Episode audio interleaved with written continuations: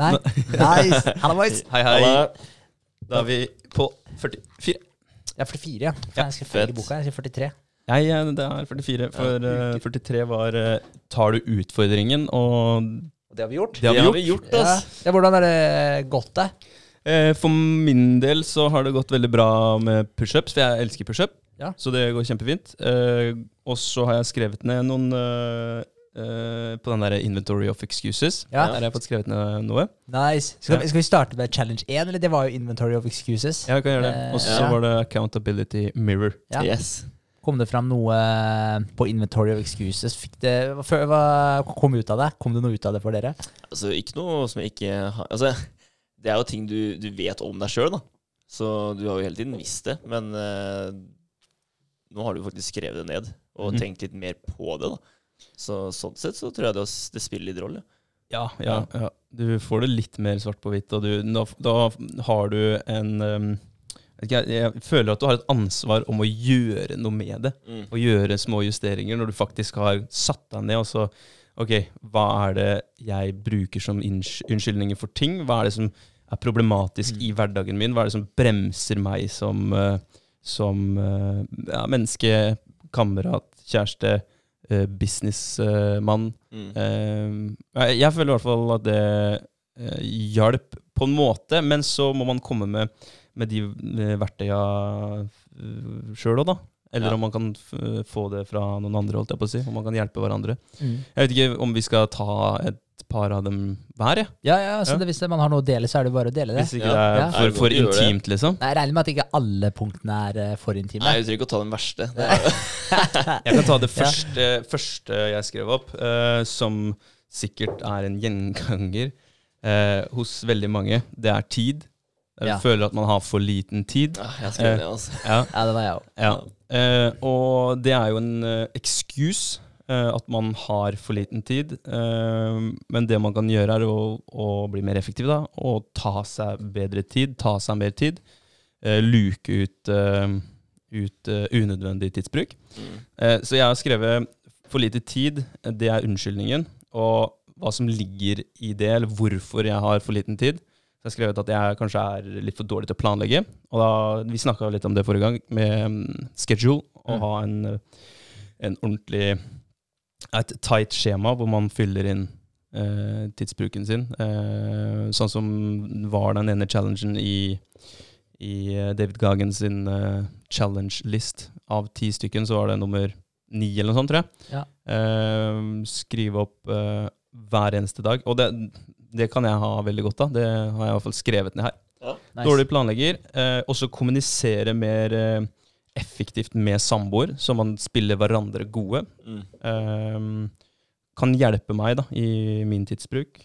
Og så har jeg skrevet opp at jeg er en sucker for å gjøre mye forskjellig. Eh, jeg tar, meg, tar på meg litt for mange eh, ansvarsområder da, og hatter. High workload, imaginary high capacity, har jeg sagt her, da. Ja. Ja, ja. Så um, det blir litt eh, Det blir for mye av det gode innimellom. ja. Eh, man skal ha tid til seg sjøl, samboer, familie og passion, da. ja. Tipset til Warren Buffett Man sier Buffett. Warren Ja, Buffett. Buffett. Buffett. Eh, han sa skriv ned de 20 tinga du har mest lyst Eller eh, 20 mål dine, eller et eller annet sånt der. Da. 20 ting du har mest lyst til å gjøre eller oppnå, eller hva det måtte være. Ja. Og så i, i eh, stigende rekkefølge. Okay. Og så stryker du ut eh, alle punktene fra nummer 6 til 20, og så ser du aldri på dem igjen. Tenker du aldri på dem igjen.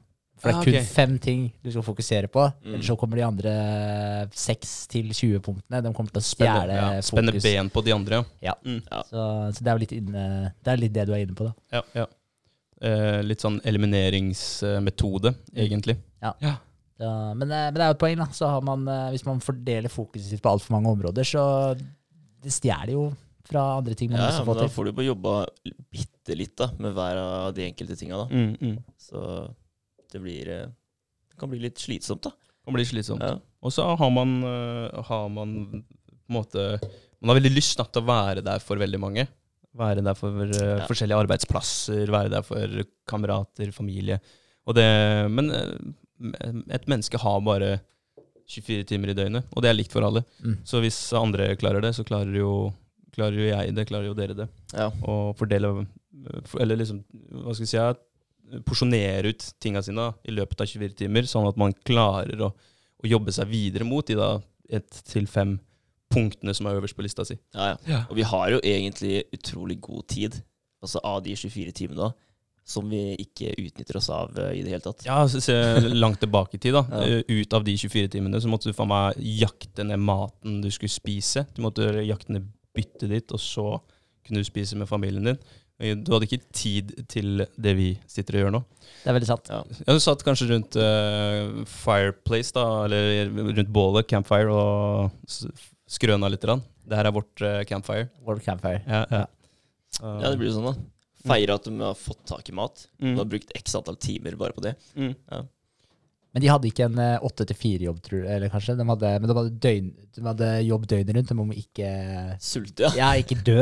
Ikke dø ja. ja. Det ja. så det, det var nok sikkert det som opptok mye av tida deres. Mm. Survival of the fittest, det gjelder faktisk fortsatt. Ja. Det er jo det. Vi, Ja. vi, vi strever jo etter å overleve, alle mann. Altså, Ja. det, er jo, det er jo ikke kødd. Det er jo, livet er jo ikke bare en dans på roser. Nei, det er altså, en lang jævla reise. ja, altså by default så, så er ting Hva skal jeg si? Ja? Eh, er det ikke eh, Altså, hvis du lar en ting bare stå, da, så vil den til slutt eh, begynne å enten en mugne, eh, ruste Rått- Altså det går ja. i stykker Ja. På en eller annen måte, da. Så defaulten er at der, ting går nedover og Mm. blir dårligere. Ja. Eh, så for å motvirke det, så må du jo faktisk gjøre noe, da. Eh, så det er ikke sånn at du eh, Ja, nei, altså, ja. Hvis du, det er som en eh, bil. Eh, du kjøper en ny bil, lar den stå i garasjen. Hvis ikke du maintainer den bilen, så er den bilen jævlig røten Mm. om en god stund, om en del år. Ja. Hvis du ikke gjør noen, noen verdens ting med den bilen. Ja, ja. den står så seg i blir det et jævlig fint samle, samleobjekt. da. Jo Kan Ja. bli det òg, da. Ja. Men du må eh, gjøre noe med den. da. Du må Ja. lade opp batterien, og du må liksom holde den Ja, strømfri og fuktfri. Og, ja, nei, det, det krever Alt krever noe. Ja. Alt krever input. Ja. Det gjør det.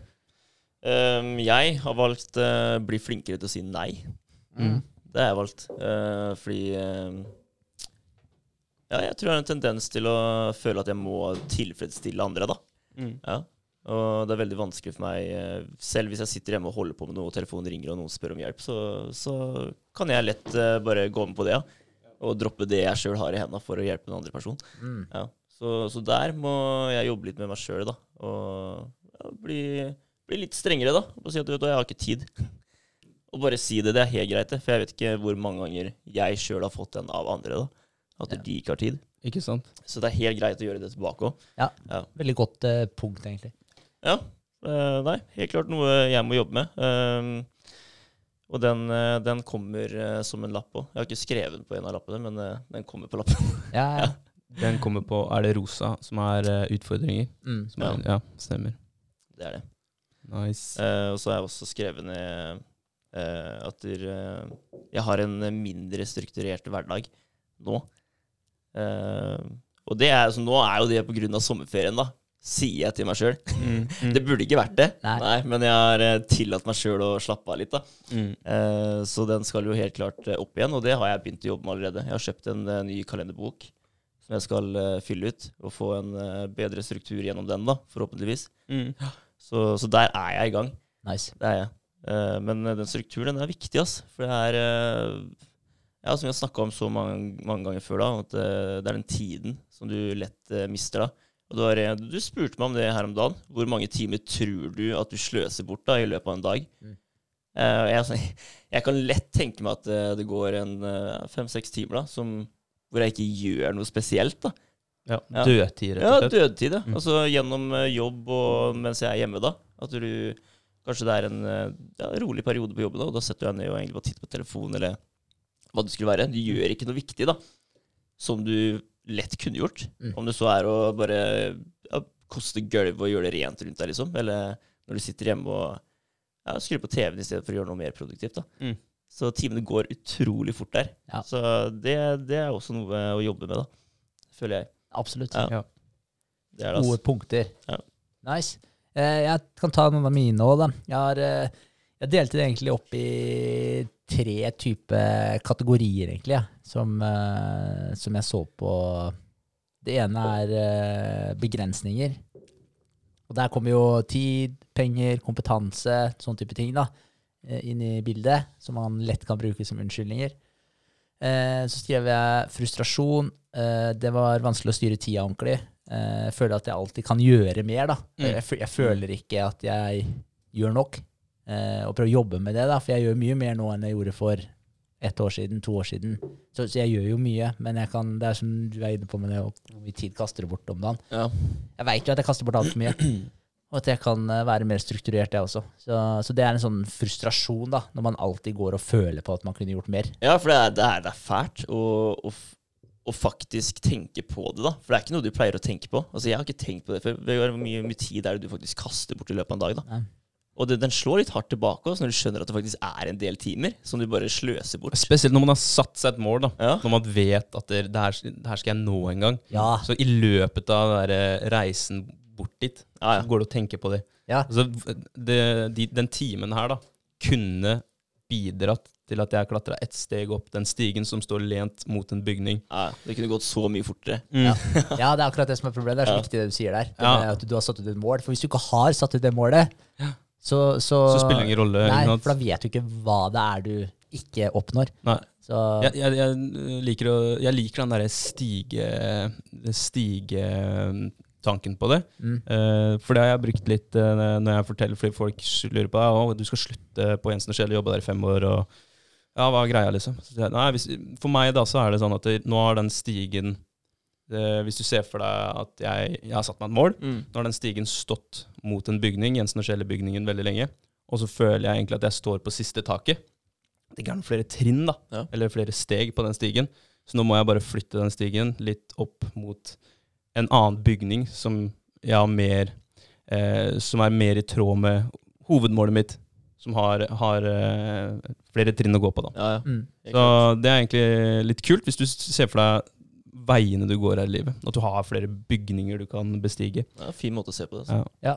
Begynner å makse, makse litt uh, potensialet i I Jensen og Sjele. fordi skal jeg liksom dytte ut uh, de som eier eh, sjappa. Det er- tror jeg ikke blir så populært. Uh, det er jo neste trinn, på en måte. da. Ja, det, det blir jo det. Ikke sant? Ja. Eh, men det var et, en ting jeg skulle si i forhold til det der med å føle at man alltid kan gjøre mer Jo, jeg hørte på en uh, podkast i stad. Det var eh, Impact Theory med Ed Milet. Har dere hørt han? Nei. Han er en interessant type. Uh, han har mange fine måter å si ting på, men de snakka om det her med, å, eh, med takknemlighet. Ja. Uh, og, og igjen det der med å Altså, når du går og føler at du alltid kan gjøre mer, så gir du deg sjøl litt juling, ikke sant? Og, og pusher deg sjøl. Og, det og det er jo viktig å gjøre det også, men de sa at det, det burde være en 80-20-fordeling. Så 80% av tida så burde du tenke eh, ting som du er takknemlig for, ting som du er god på, hva, du, hva er det du har gjort, osv. Og, så og så tenke de banene og lete etter de tinga der. da, Begynne å stacke den takknemligheten oppå hverandre. Mm. Eh, og så 20% av tida kan du bruke på å gi deg sjøl et spark i ræva da, for å pushe deg sjøl hardere. Mm. Men det skal være 80-20, Ja. ikke motsatt. At du pusher deg sjøl og slår deg, eller sparker deg i ræva 80% av tida. Torturerer deg sjøl. Ja, men eh, jeg føler jeg fort sikkert havner på motsatt. da Mm. At det er Kanskje 20 takknemlighet og kanskje 80 at jeg driver og gir meg sjøl litt juling. da Ja. Så der har jeg, der har jeg mye å gå på. Ja. Så- Du, ja, du slår deg sjøl litt lenger ned enn du klarer å dra deg sjøl opp. Ja, det- kanskje. Er litt eh, Litt, eh, Litt for hard. Ja, litt for hard. Mm. Uh, Ja, nei, det er viktig. Jeg, jeg blir eh, veldig glad når jeg husker på det. Eh, at eh, faen så mye man egentlig har fått til i løpet av de 28 åra man har vært på, på jorda. Mm. Jeg bare tok et, et sånn kort eksempel eh, forrige uke, hvor eh, vi har fått en ny samarbeidspartner. Eller ikke ny, men eh, han har endelig lagt ut retter. ja, ja. Eh, så, så jeg bestilte mat til hele jobben, eller til ja, det var vel fem-seks som skulle ha, Ja. via appen. Og da gjorde jeg det på spiserommet. Og da satt jo dem og så på. da, at Jeg trykka gjennom og sånn, og så bare Faen, har du laga det? Så jeg bare Ja, ja, det, er- det, det er liksom greit. Jeg tenker ikke sånn på det nå, for jeg synes er, nå har jeg jobba med det så lenge. Det er, sånn, ja, ja, det er ikke Det er piece of cake. Mm. Men for noen andre da, så er det ganske stort. Du har fått ut et produkt som ligger på AppStore og Google, nei, Playbutikken i hele verden, da. Ja. Eh, og folk kan bruke. Ja. Det er ganske kult. Det er. Det Det er er det. Fett. Det er det. Da fikk jeg en sånn, som du sier, da, en 20% eller en del av 80% min. Ja. Det kanskje 10 Ja. Ja. Det er, det er En liten klapp på skuldra, da. Ja, ja. Det er bra. Det var uh, uh, Nei, jeg glemte det. Sorry, da har jeg ødelagt to ganger når du har vært på en eller annen Ne- eh, Never mind, ass, det var jævlig god input. Jo, Ja, ja, men, jo for jeg skal spille videre på det. Det var, det var veldig bra input, André. Eh, det som også han snakka om, da, det var at når du tar deg tid til å feire de små seirene som du får, mm. da får du en liten dopaminkick. Og da eh, higer du etter å få den igjen. Men hvis du ikke tar deg tid til å feire det, så får du ikke den dopaminkicken heller.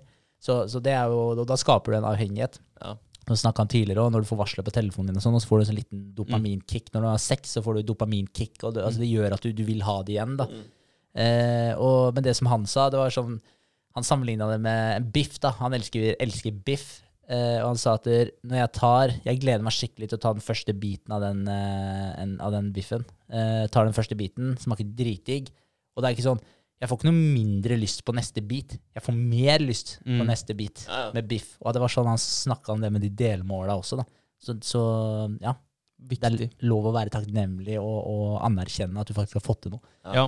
Men det, der, er vi, der trenger vi faktisk å jobbe litt òg, da. På akkurat det å feire eh, milepælene som vi har eh, fått til. Mm. Mm. Ja, Sette litt mer pris på dem. For det er, det er veldig lett å Du har sittet og jobba masse med det, ikke sant? og så går det, da. Og da blir det sånn ah, Deilig. Ja. Mm. Og det er det, ikke sant? Og så fortsetter du, liksom. ja, Ja. og man bør egentlig gjøre en litt stor greie ut av det. Faktisk dra ut og spise sammen, eller feire på den måten òg. Mm. Ja, Veldig sant. Ordentlig sette pris på det. Vi har gjort det én gang. Vi har gjort det én gang. Ja. Men vi har hatt ganske mange eh, milepæler som vi har nådd. Vi har det. Vi, vi kunne i hvert fall gjort det tre ganger, sånne store ting. da. Ja, ikke sant? Så, så ja, det er helt klart noe man kan bli bedre, for, bedre på.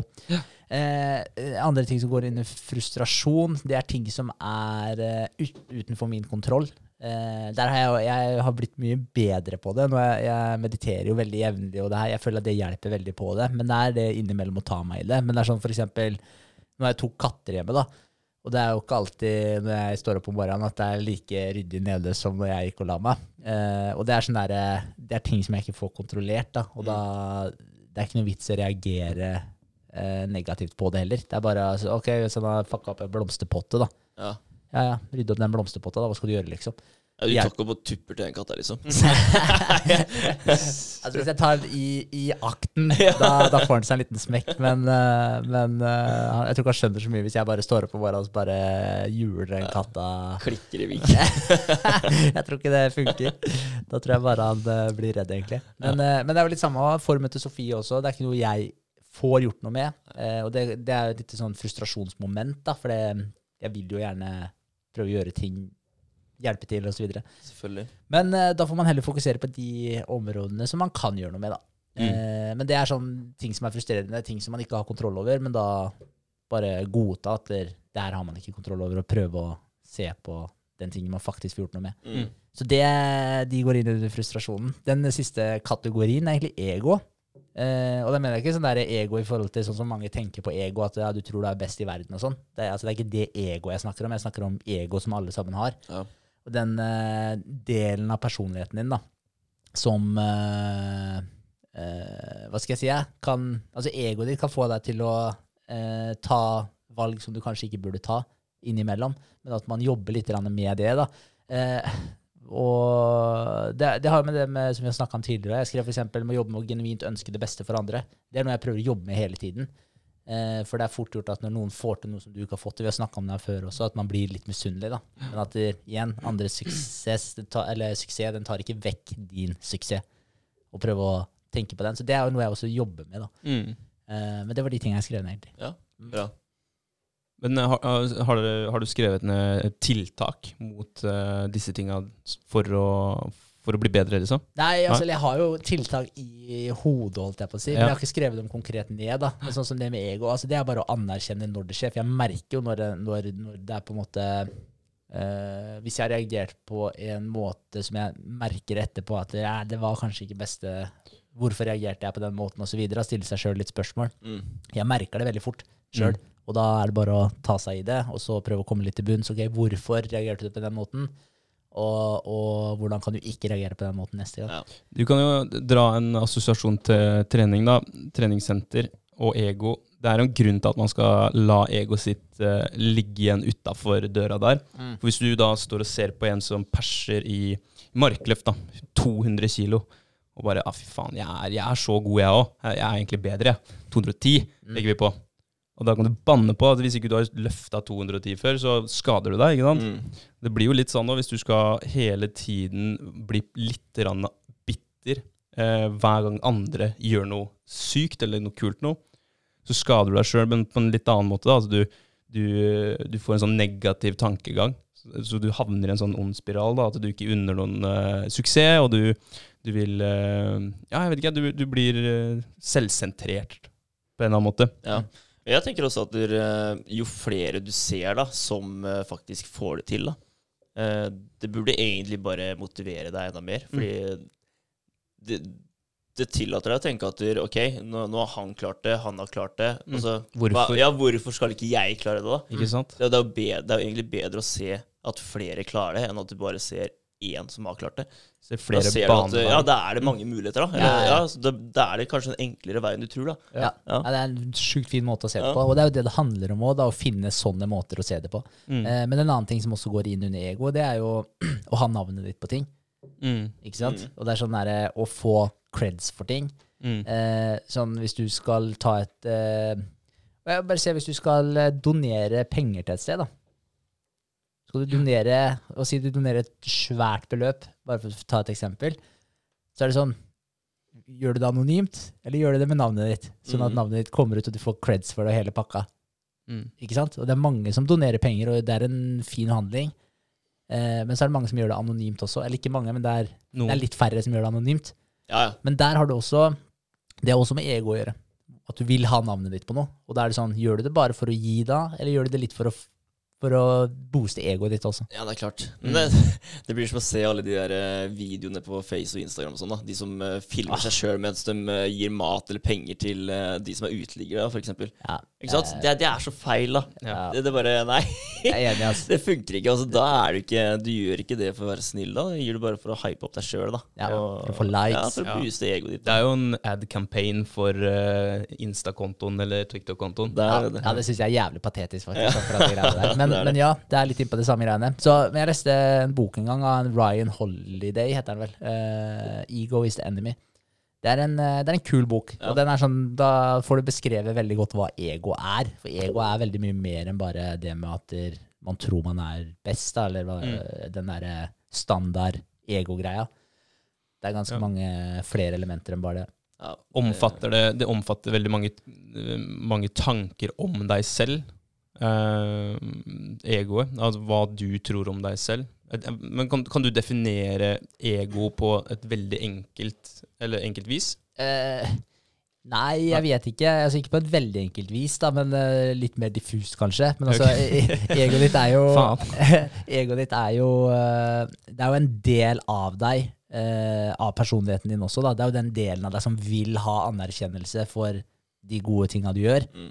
eh, som trenger den. Ikke på grunn av Altså, eh, det har jo ikke noe med handlinga nødvendigvis å gjøre. Det er at du vil ha den anerkjennelsen.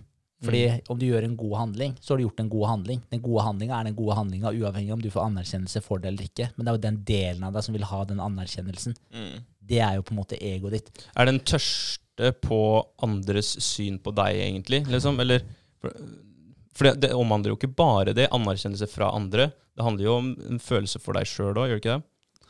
Jo, Men, men det har jo utrolig mye med selvsikkerheten din å gjøre òg, da. Hvor, eh, hvor tørst den er etter eh, den bekreftelsen da, Mm. fra alle andre. Er du en veldig selvsikker person og du gjør en god ting, så, så føler du ikke det behovet for Da er ikke ego så sterkt på den måten da, at du trenger den bekreftelsen, fra andre. da, For da, da vet du bare med deg sjøl at du har gjort en eh, god greie, og du er fornøyd med det. ja, ja. Og det er jo veldig bra å komme dit. Ja, Ja.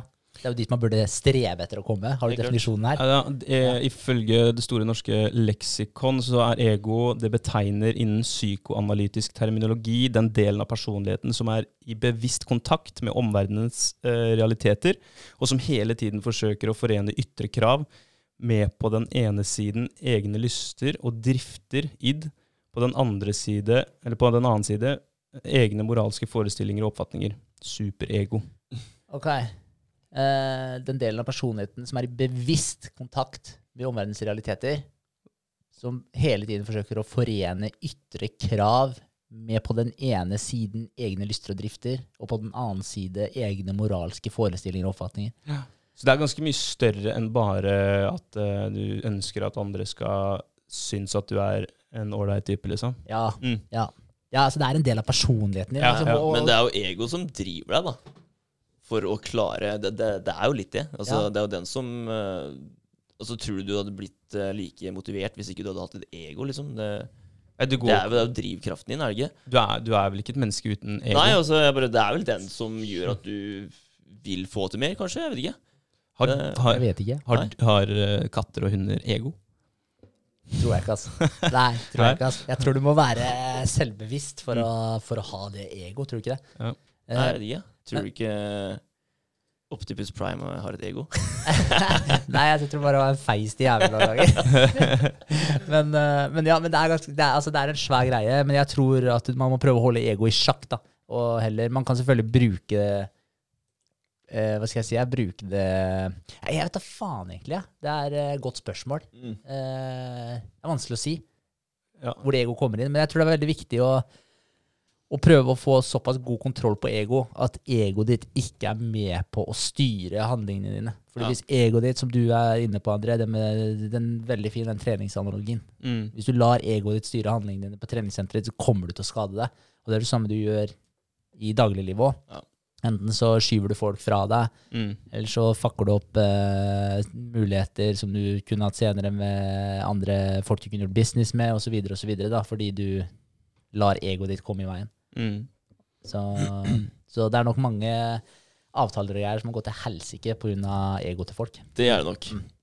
Og det, som regel så er det veldig underbevisst. Eh, alt, alle de valga og handlingene som er styrt av ego. Jeg, jeg, jeg klarer liksom ikke å tenke tilbake til en dag forrige uke hvor ah, det valget tok jeg basert på det tette egoet mitt, liksom. Nei. Jeg klarer ikke å, å dra fram det i hverdagen min, liksom. Men eh, da bør man kanskje bli litt mer bevisst på det, da. Når er det jeg eh, ikke gjør et eh, Eller gjør et valg da, som er egoistisk styrt? Mm. Eller ikke, eller la være å anerkjenne noe. La være å si noe. Det kan også være, altså det er, Ego kan vises Mm. på veldig veldig mange måter.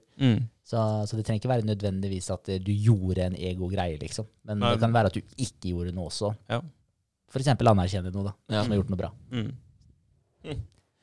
Men, men ego er, det er et, det er et jævlig kult tema. Det, Ja. Vi kunne dykket enda dypere i det også. Fått, eh, det hadde vært et bra tema å ha hatt på en podd Ja. faktisk. Ego. For det, for det er kult, og det, jeg syns det er veldig interessant. Og det er så mange stories av folk, da, sånn eh, type militære ledere osv., som, som, har, eh, som han hadde eksempler på i den boka, han Ryan Holiday.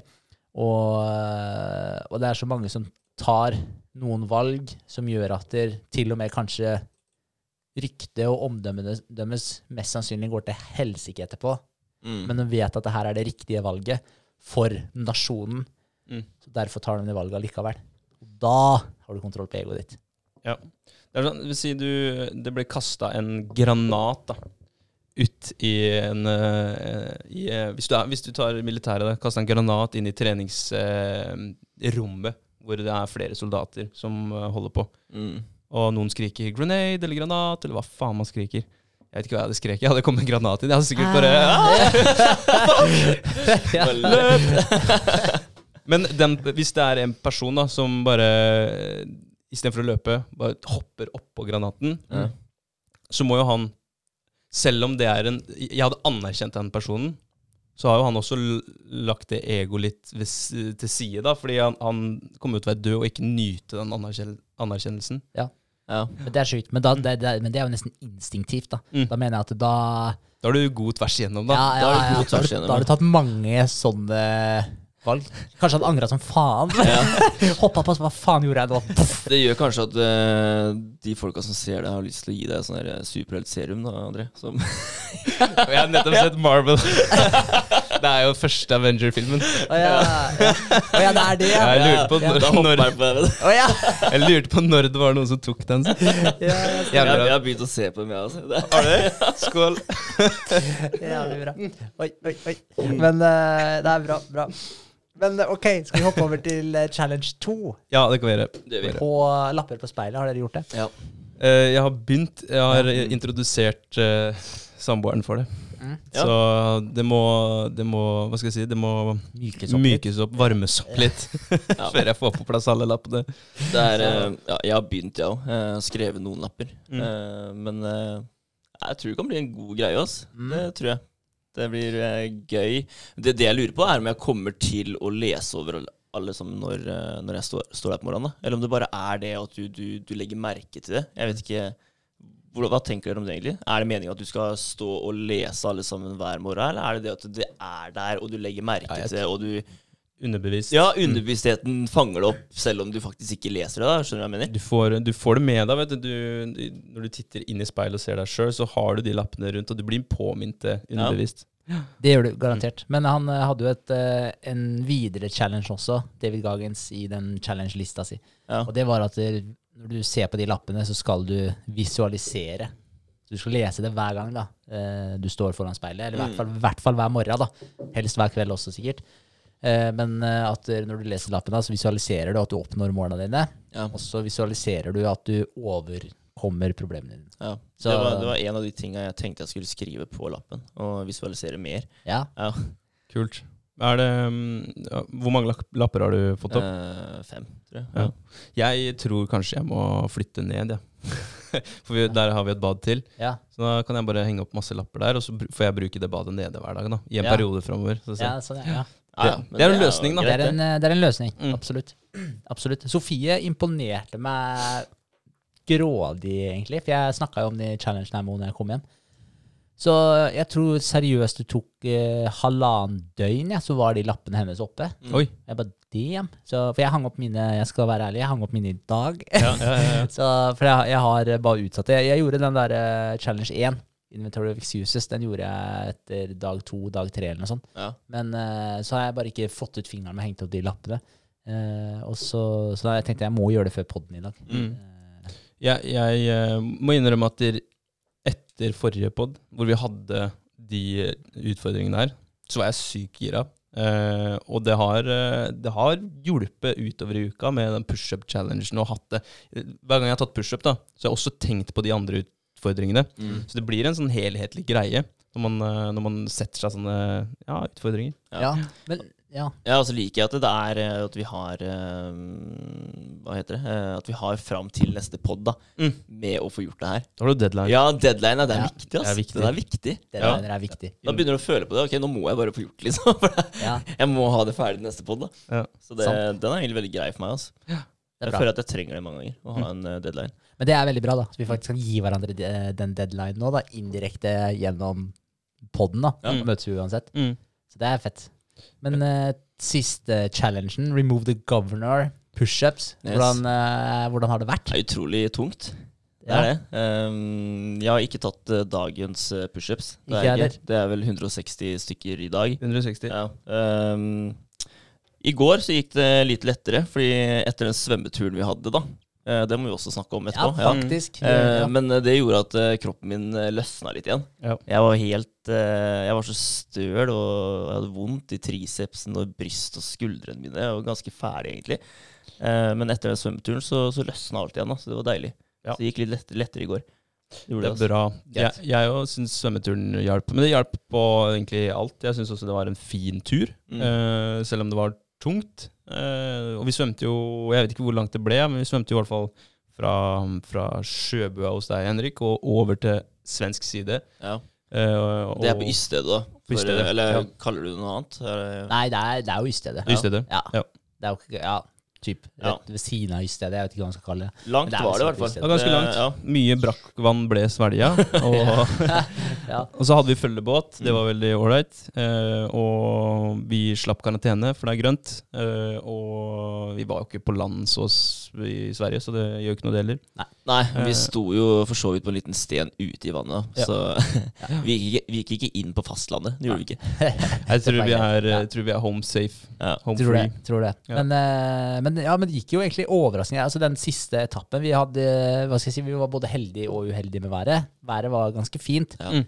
men uh, det blåste jo litt, og det Ja. blåste opp uh, underveis. Så vi svømte i en sånn type, sånn type Ja, bananform. vi så, ble drevet bortover, ja. ja, Mm. og den siste etappen der, når vi svømte i direkte motvind, Ja.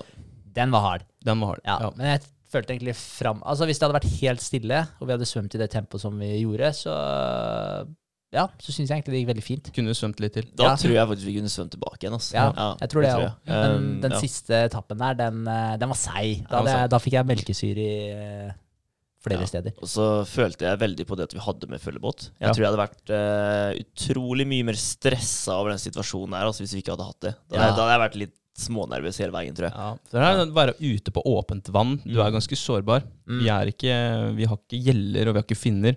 Så det går ikke så bra med oss hvis vi bare plutselig stivner og dropper ned mot havbunnen. Nei, jeg tenkte det. Det er skummelt, det. også. Og hvis det kommer båt òg, Mm. de ser ikke Nei. Ser ikke lille huet ditt. Nei. eh, Nei, det er ikke lett. farlig. Nei. Ja. Det er ulempen med å ha hår som blender inn med, med vannet. Ja. Det, det hadde vært en eh, egoistisk eh, akt da, av oss å gjøre det uten følgebåt. Ja. I tilfelle noen hadde kommet og kjørt på oss, liksom. Så Ja. måtte de levd med det. da. Ja, Ja. faktisk. Ja. Så ja, egoisme, altså. ja. ja. Men det er faktisk sant, det. Så, men det var kult. Det var en bra utfordring. Så vi har faktisk utfordra oss masse. Denne uka her, Ja, ja. ja. Det vært dritkult. Vi har fjerna guvernøren eh, et par, tre, fire, fem, seks ganger, kanskje. Ja. For vi begynte jo på mandag med pushups. 100, og så 110 tirsdag. 120, 30, 40, 50, og så 60 i dag. Ja. Så vi får se hvor lenge vi holder ut. Det er 170 i morgen. Jeg regna sånn kjapt på det. Det kan hende jeg bomma bitte litt, men uh, i løpet av 30 dager, hvis alle sammen holder ut, så har vi tatt eh, 8000 pushups på 30 dager. Helt sinnssykt. Helt sjukt. sinnssykt. Jeg tror jeg hadde en eh, utfordring eh, en gang sammen med en kollega. Da var det sånn 1000 pushups på en måned. Det var challengen. Ja. Så På en måned, ja. ja, Nå tar du det på under en uke. null stress. ja. Nei, det, er, eh, det er fett. Nei, men jeg gleder meg til, det, til fortsettelsen her. Mm. Og eh, se hvem eh, om, om det er noen som gir seg. Eller Det er det. Det er det. Ja, du tror det? Jeg tror det. ja. Og, Jeg tror det. ja. Men, uh, Men hvis ingen gir seg, så blir det sånn uendelig antall pushups. da. ja, men da tenker jeg da kjører vi til, 400? 30, ja, til dag 30. Ja, ja. Vi må Også, ta en annen. Vi kan ikke, vi kan ikke komme største tidsa, eller? Det. Nei, nei, for det bygger faktisk mye volum altså, Ja, det å det. og rappe på den måten der. Ja. Det, det gjør det. Så kanskje greit å opprettholde proporsjonene sånn litt. Eh, nei, men gøy. Jeg synes det er utrolig moro. Men eh, ja, bare sånn eh, bare slenge ut der. Sånn type en annen eh, utfordring, da. Eller bare sånn Rikke sa til meg i går, altså hvorfor uh, gjør dere ikke bare sånn at dere tar et bad da, hver måned hele året? Så i slutten av måneden eller hva det skal være, så tar dere en dukkert, liksom. Mm. Selv om det er uh, på julaften eller hva det skal være, da. Så ja. hopper dere i sjøen, liksom. Bare for å bare for å kjenne på det, da. Ja, sånn én gang En gang hver i måneden så må Ja. du hoppe i vannet. Ja. Og da må vi gjøre det sammen. Bare finne en nice spot liksom, hvor vi kan hoppe i vannet. Og s- Det er bare tolv Ja. bad. Det er veldig overkommelig. Det er overkommelig. Jeg vet om noen som har kjørt eh, hver uke i løpet av et helt år. 52 bad. ja. Kult. Også vært litt fett. Ja. ja, men det er moro. ja, det kunne vært ålreit. da. Det er eh, sikkert uh, sinnssykt fælt å gjøre det i januar-februar måned, men eh, Ja. Og før det òg. November det er grått og trist ute, og så skal du hoppe ut i sjøen. Det frister lite. Men Ja, eh, da må vi jo bare si fuck the governor, da. Altså. Ja, ja, ja, ja, men det blir en greie, Ja. det med å fjerne den der eh, lille jævelen oppi der. Ja. Eh, men eh, for to år siden, eller nei, kanskje det er tre år siden. Ja, det er brått tre år siden. Men da hoppa jeg ut i sånn andre juledag eller et eller annet sånt. Mm. Ja. Det var kaldt, men da drev jeg ikke og tok kalde dusjer eller noen ting, så, det, så da følte jeg var mye mer sjokk. Ja. Jeg tror det skulle gått hakket bedre nå, det kan sikkert du si litt eh, om. Ja, ja, Du har vel hatt noen turer. ja, ja. Ja. Jeg syns det går kjempefint nå, jeg, og har egentlig gjort det For jeg bada Det var kanskje bare mars. Da bada jeg i år. Og det gikk kjempefint, det. Ja. Jeg, tror, jeg tror det er takket være kalde dusjene som har liksom heva Hva skal jeg si? At jeg takler det mye bedre. At jeg er litt mer herda, og kroppen litt, litt mer Ikke så overraska når det skjer.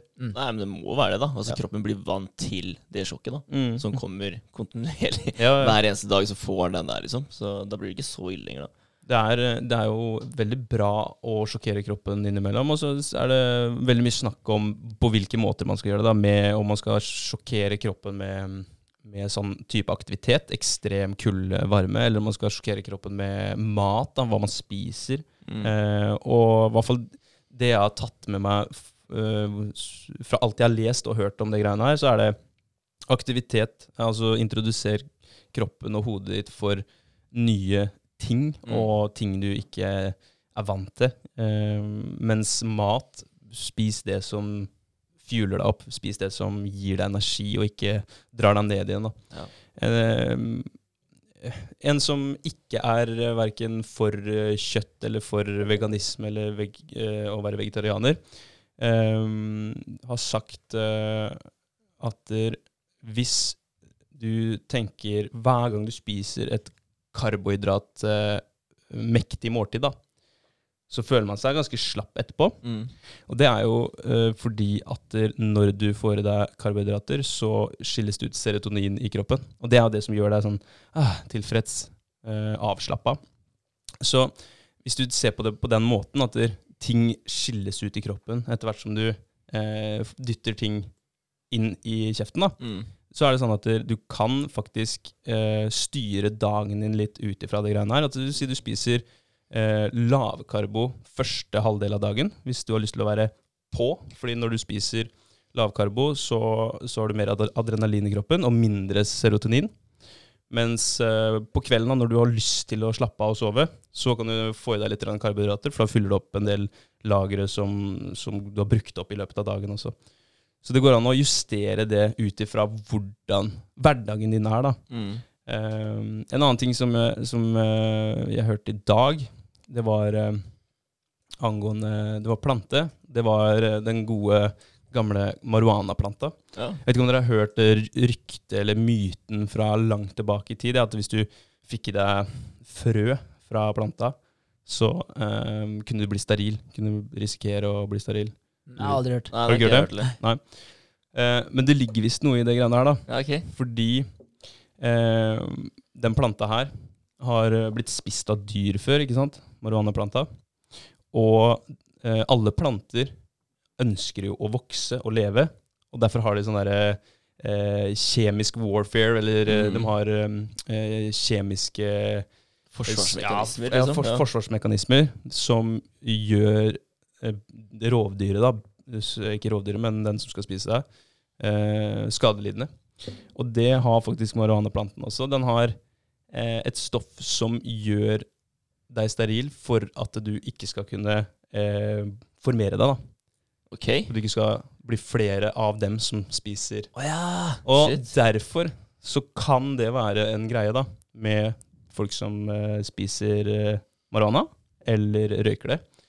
Men det er masse, masse studier på det greiene her. Noen sier at det, det gjør deg Det eh, dreper testosteronnivå og gjør at du produserer mer østrogen, mens andre sier motsatt. Så det er vel, veldig diffust Ja. Mm. eh, når det gjelder forskningen på det greiene her. Men det var litt interessant, Sjukt. fordi jeg har lest mye om eh, i forhold til kostholdet mitt, da. Ja. Og spise, spise grønnsaker og sånt nå. Ja. Det, ah, Spise marihuana, liksom. ja, ja, men, at, Brokkoli, marihuana og men, eh, men da er det liksom eh, flere hanger og, eh, og knagger å henge det greiene her på, da. Eh, at det, og salaten man spiser ikke alltid er kanskje det beste for deg, fordi at du, det faktisk er kjemikalier da, i, i spinaten, i grønnkålen og sånt, Mm. noe som kroppen må bryte ned. Og noen sier da at den der prosessen med at kroppen må bryte det ned, det var det jeg skulle fram til, det uh, er en utfordring, da, sånn at du, du vil thrive, du vil bli bedre. Uh, fordi en utfordring, uh, mestrer du den, så blir du mm, herda og bedre til neste gang. Ja. Men da er det de aktivitetene, da. Kulde og varme, mye bedre. Ja.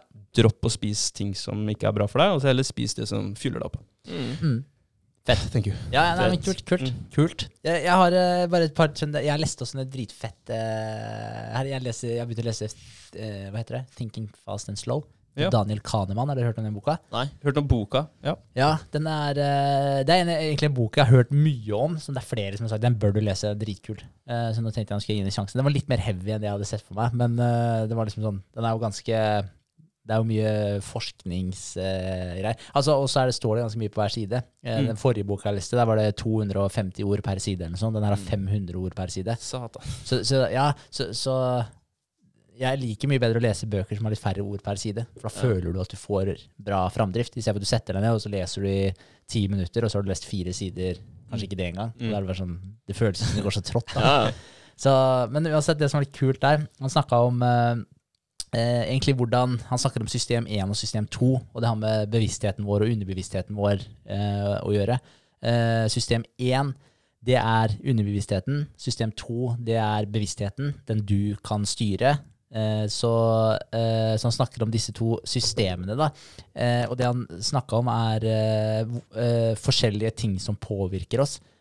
Og eh, jeg snakka tidligere om, da nevnte jeg eh, Husker dere det var noen som spurte om noen kunne holde en kaffekopp for dem eh, på gata mens de knøt skolissa si. Husker dere snakka om det? Det, er- det er mange podder sia. Jeg, jeg kan ta den på nytt. da. Ja.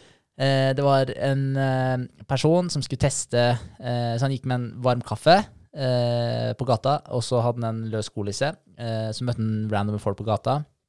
Spurte han om han kunne være så snill å holde kaffen mens han knøt skolissa si. Eh, og så gjorde han det med x antall personer med varm kaffe, og så gjorde han det med x antall personer med kald kaffe, iskaffe. Eh, og eh, så ble de personene som holdt kaffen, de ble spurt etterpå hva, hvordan de oppfatta den personen som kom og spurte om de kunne holde den koppen her. Eh, og de som da fikk en varm kaffekopp å holde, der var det typ, jeg husker ikke nøyaktig prosenten, men si at det var eh, 85% kanskje 90% det var et sjukt høyt antall. De sa at de oppfatta den personen som en varm og, og en god person. Ja. Og så var det stikk motsatt. Jeg tror det var 2 forskjell på de som holdt iskaffe. De rapporterte at de oppfatta han som en kald og en ikke sånn god person. Mm. Tenk deg det. Det Det flippa helt rundt. Det var 2% forskjell på de svara. Bare fordi en sans du har, da, sier til deg at uh, den, nei, det her, er, her er det kaldt og jævlig. Ja. Sjukt. Så det er det system 1 som opererer der. Så Mm. du får en input, og den, den begynner å, å, å Hva skal jeg si eh, Trigge forskjellige oppførsler da, som du tror at du har full kontroll på sjøl. Så du, altså system 2, tror at du har full kontroll på det her, men så er det egentlig, det er egentlig system 1 som styrer hele showet. Men hadde det blitt det samme hvis eh, han hadde kommet med noe annet som var kaldt? Og så hadde det kommet en kald is da, som de måtte holde?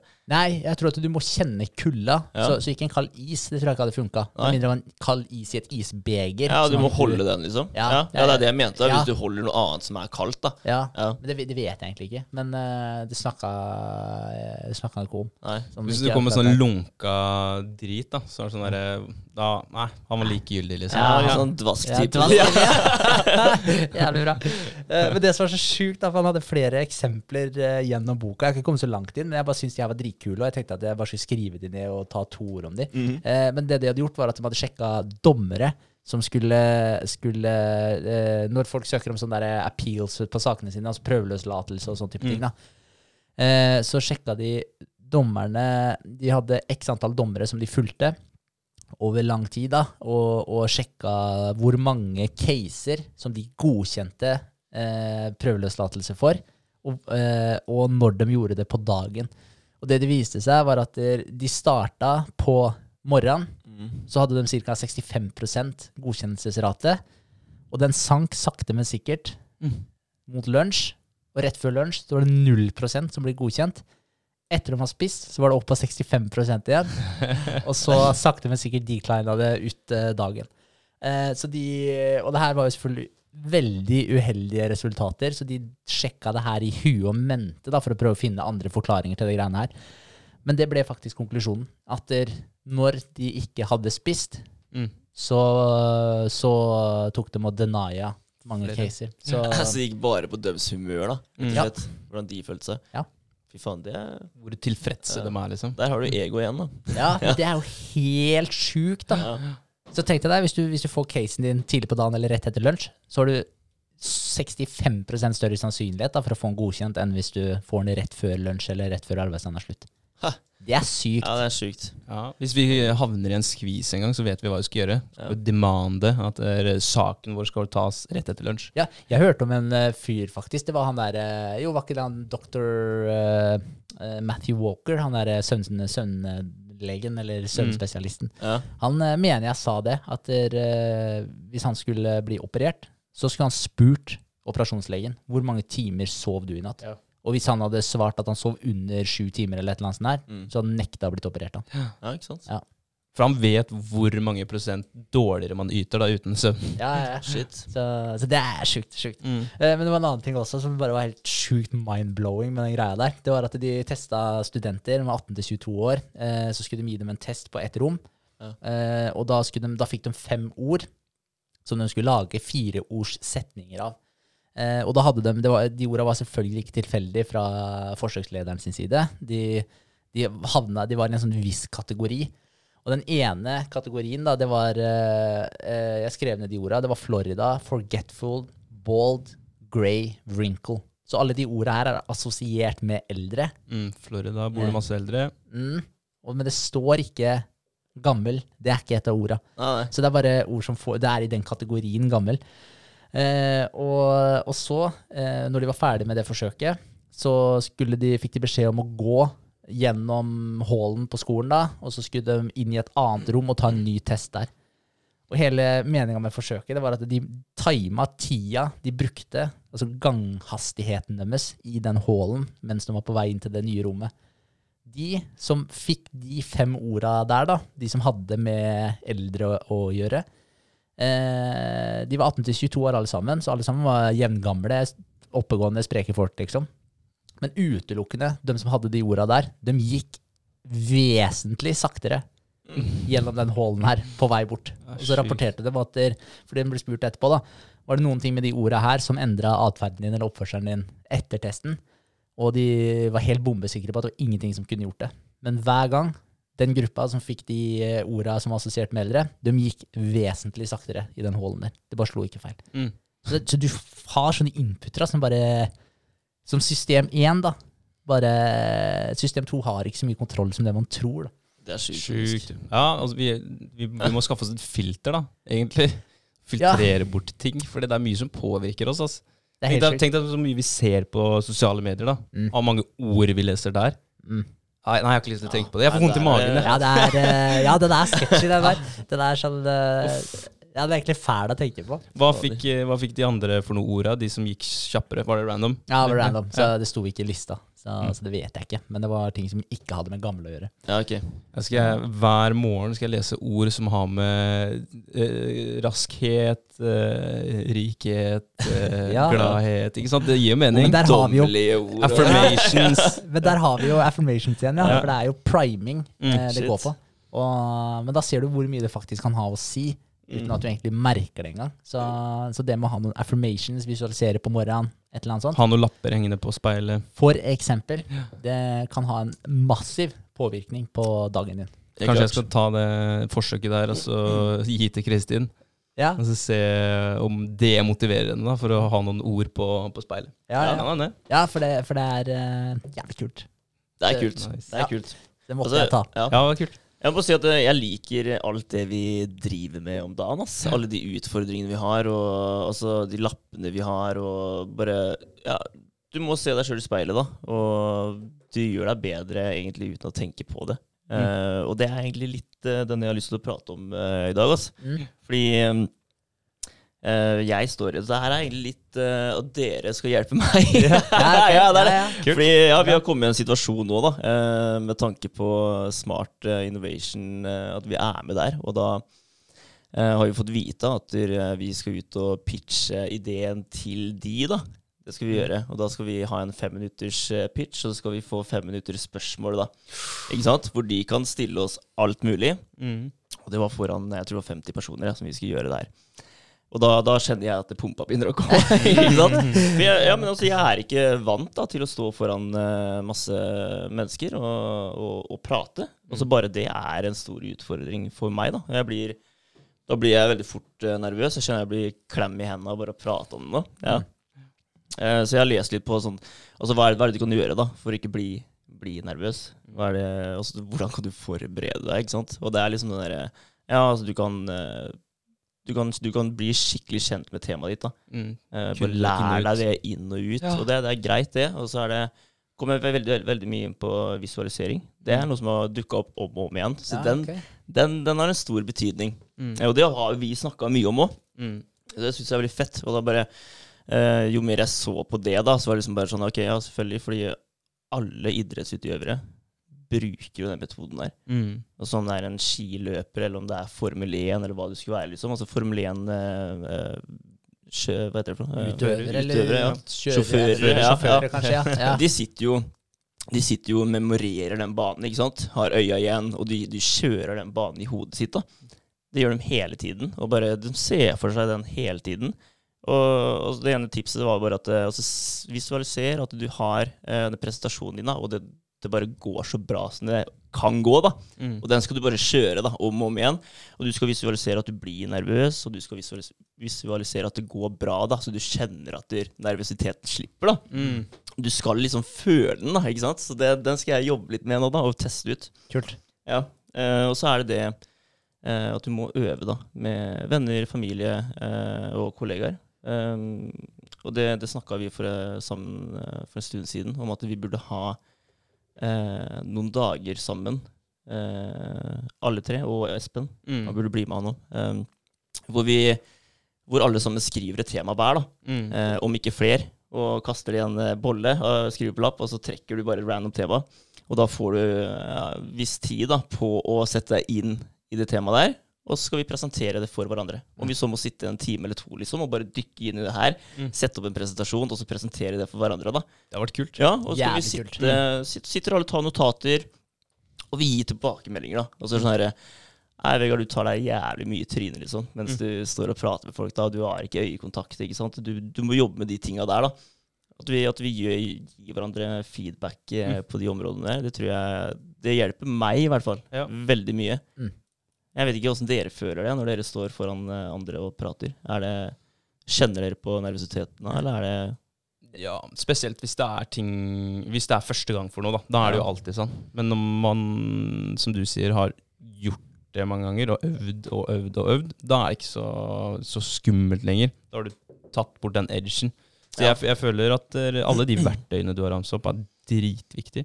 Og så er det, er det, det Men når det er helt nytt, så må det Det må jo være litt scary første gangen. Mm. Det, du Ja. kommer ikke unna det, liksom. Nei, og det er derfor jeg tenker det er bra at vi bare tar noen random temaer da, eh, Mm. den kvelden. For vi, kan jo det vi driver med nå, Ja. og, det er, eh, og vi har pitcha det til hverandre. Så det er ikke noe vits å gjøre det på nytt, egentlig. da. Vi burde gjøre det òg, selvfølgelig. Eh, bare for å jobbe enda mer med det. Bare Men, for å eh, øve på pitchen i seg sjøl, ja. ja, men at du plutselig bare får et uh, tema slengt i fanget da, som du egentlig ikke kan noe om. Mm. Seilbåter, liksom. Ja, Ja. ja. Så har du en time på deg, og bare samle informasjon om det her og lage en grei presentasjon. Og så skal du presentere det, og se åssen det går. Ja. Jeg, jeg, jeg syns det er dritkult, uh, det det gjør. Eller jeg kan svare på det du spurte først. Og jeg også blir nervøs når jeg Ja. står og prater foran folk. Jeg må jo presentere litt greier gjennom jobb og sånn. Mm. Men det er ofte ikke for så mange folk. Uh, å stå foran 50 pers, Ja. som jeg veit vet mye mer om business osv.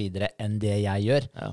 det kommer til å bli en nervepirrende opplevelse. Så jeg også kommer til å bli nervøs der, uten tvil. Ja. Eh, men jeg håper at den metoden teller ned fra eh, Fra fem. fem, Ja. Mm. og også den med tanke på den fra Viktor hvor- Frankel, og bare si, si til meg sjøl bli, bli, bli mer nervøs nå. Ja. Kom igjen, bli mer nervøs. Denne, bare- denne skal jeg bruke. Altså, ja, Så jeg er helt sikker på at det kommer til å hjelpe. Ja. Gjør det. Men jeg, jeg leste faktisk det, at det, det med å stå og presentere noe foran 50 personer, da, og de, de vet mye om business, og de vet mye om den verden der, da, men de vet ikke noe om, om vår idé. da.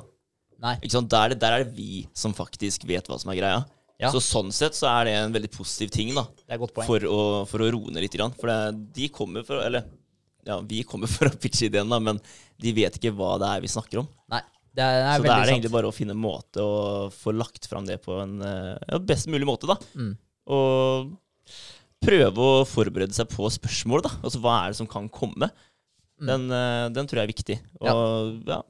bygge seg noen spørsmål i hodet sjøl som du føler er kanskje noe du kunne slete, slete med å svare på, da. Ja. Men som du forbereder deg på. Ja, man må være sin egen kritiker først. Mm. For, bare, for, den skal være bulletproof, den Ja. eh, pitchen, sånn, eh, så godt som, i hvert fall. Ja. Mm. Eh, Det, det er også i forhold til det du var inne på med å kaste disse lappene opp i en bolle, trekke et random tema, eh, og så få en viss tid til å forberede deg på, om det er en time, halvannen eller hva det måtte være, å lage Mm. den presentasjonen. Pluss at hvis vi da får en timecap på hvor lang presentasjonen skal være, eh, si om det er ti minutter eller om det er fem minutter, eller hva det er. da, Ti minutter, da du rekker ikke noen ting på fem minutter. Men, Mm. eh, men, men det går an å mikse på det òg. Noen ganger så kan man ha fem minutter, andre ganger kan man ha ti, noen ganger kan man ha en halvtime. Eh, det kommer litt an på. Men, men det, ja. ja, nei, men det, det det gjør, det gjør jo at det, For det første må du jo ta et tema som du ikke nødvendigvis er kjent med fra før, og klare å hente fram info veldig raskt. Og du må klare å skille ut den infoen som er relevant, for å faktisk klare å formidle det her til de som hører på. Eh, samtidig så må du lære deg å ta, eh, beregne hvor lang en presentasjon skal være. Nei. Fordi det er jo minus hvis du har fått beskjed om at den skal vare 10 minutter, og så står du der i 15-20 minutter og prater. Da har Ja. du feila litt. Var det fem minutter eh, pitchen skal være? Fem minutter, ja. Så det må gå altså, Da må du, du må finne ut hvordan du skal presentere det på Hvilket tempo du må ta det? Liksom. Ja, og du skal få fram hovedpoenget da eh, på, på en så kort eh, tid, da. eh, uten at jeg vet du, kan, du kan ikke gå for dypt i det. Du må bare få fram formålet med det. Mm. Da burde vår, vår, vårt eksperiment være egentlig fem minutter. Sånn at dere får øvd på vi da, får øvd på ok, fem minutter. Hvor lang tid er det? Hvor, hvor mye får jeg med, liksom? Mm. Ja, men jeg syns egentlig at vi kunne hatt liksom et uh, par, tre, fire kvelder som vi gjør det her, Mm. og, og øve litt. Eh, fordi ikke bare det med å klare å beregne ti, tidsbruken, men Nei. det med også, å, som du er inne på, uh, se folk i øya når du har presentasjonen for dem. Eh, hvordan du gestikulerer, Mm. tar deg i trynet og gjør sånne unødvendig usikre ting. Eh, og prater du tydelig nok og får øvd på alle, alle disse tinga her, det tror jeg kan være Eller jeg vet at det kommer til å være ekstremt verdifullt. Ja, ja. Og jeg, jeg vet meg sjøl at det, det som gjør meg eh, nervøs, da, det er at du, du vet at du, litt fram i tid så skal du gjøre det her. Så du må faktisk gå og vente på det da, og Mm. forberede deg til det.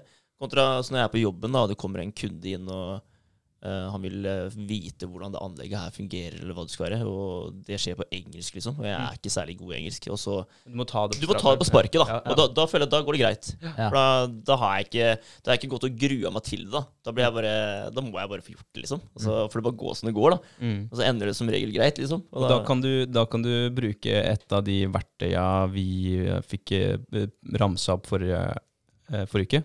Det er å gå tilbake i cookie-jaren din. Da, etter Oi, når jeg tok med han amerikaneren eller hva Mm. der, ja, shit, rundt ass. på fabrikken, så gikk det jævlig fint.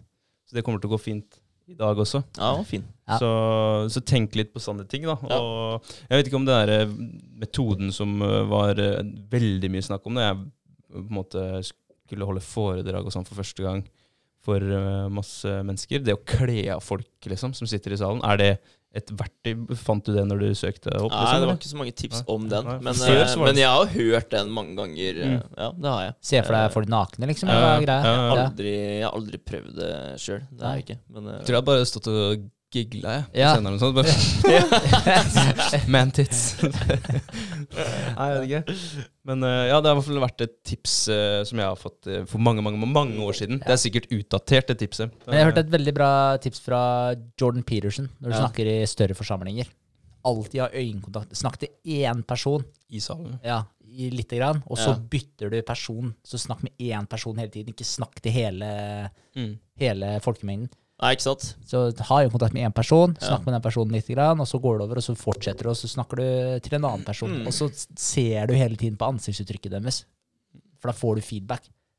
Så, og det er sånn om er du inne på et riktig spor, eller er du ikke det. Ja. Når du har fem minutter å pitche på, så er det begrensa hvor mye du klarer å course correcte den Ja, greia sant, der.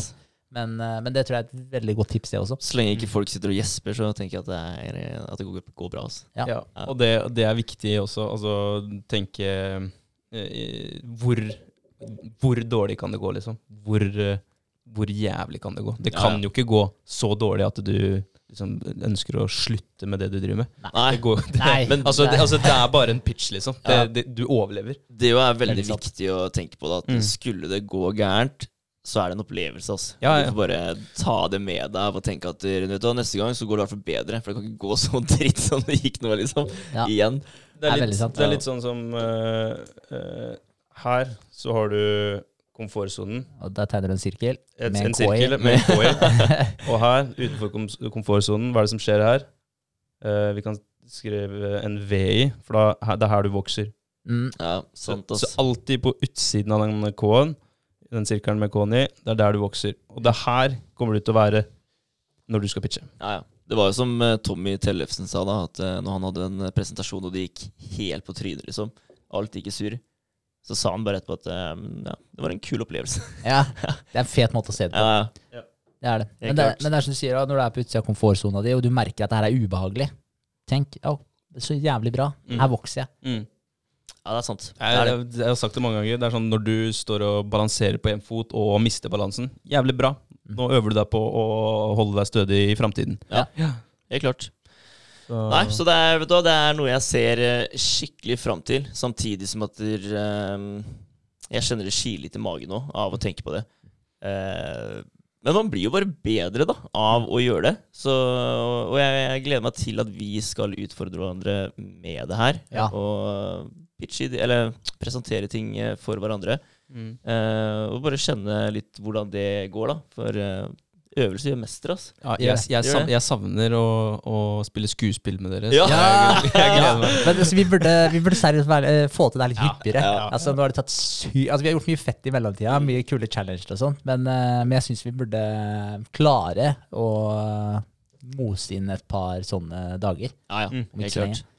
Det er, det er krevende å sitte og prøve å gråte foran uh, to dudes, liksom. Det Ja, ja det var hardt, altså. det var hardt. det var hardt. Uff. Men uh, fett han eh, Ray Dalio også, han snakka jo litt om uh, egentlig det med den komfortsona, være på utsida av komfortsona, der du vokser, og, og havne i disse ubehagelige situasjonene. Mm. Han sa at etter hvert så craver du å være i de ubehagelige situasjonene. Mm. Du, du, du begynner seriøst å crave den følelsen, for du føler ikke at du utvikler nok, eller føler, føler ikke du vokser nok hvis du ikke har den følelsen. Dopamin-release, vet du. Ja, Så du prøver å oppsøke de situasjonene. Så, så på sikt så vil man jo komme dit. Mm. Ja, det er veldig sant. Det er eh, sånn som Ja, så bare det å, det å gå opp til en person da, og starte en samtale, det, det er noe som uh, er krevende for meg, da. Mm. Eh, og det er jo noe man må gjøre framover. Mm. Så ja, og så å klare å holde en samtale i gang, da. Mm. Den er også, det er også en utfordring for meg. Det er det. Så det er liksom de tinga jeg, jeg må Det virker med. jo ikke sånn, da. Nei. Vi sitter her og Nei, men altså, det her har hjulpet utrolig mye, da. Ja. Podden har hjulpet veldig mye, det må sies. Mm. Uh, for jeg husker jo sommerfuglen jeg hadde i magen første episode. Eh, så den har jeg jo ikke lenger. Så sånn sett er det bra. Men det blir en komfortsone her òg. Mm. Ja. Fordi du blir vant til det, og da, da er det greit å, å gå fra det her til å stå foran 50 stykker og fortelle om ideen din. Det, Det er to det, er, ja, det er to forskjellige verdener. Altså. Det, det er det. Eh, ja, så det er jo ting jeg har skrevet på lappen nå, da. At det, det må jeg jobbe med. Kult. Så det, det skal gjøres.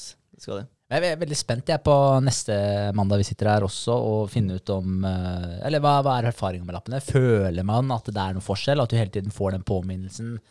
Eh, eller om du bare går i ditt samme mønster? Men Du har allerede vært inne på det allerede, at man føler at de challengene og det her at det Det hjelper, ja. Jeg skal gi en feedback neste mandag. Ja. Da har jeg fått noen lapper oppe på speilet, tenker jeg. Ja. Ja, nice.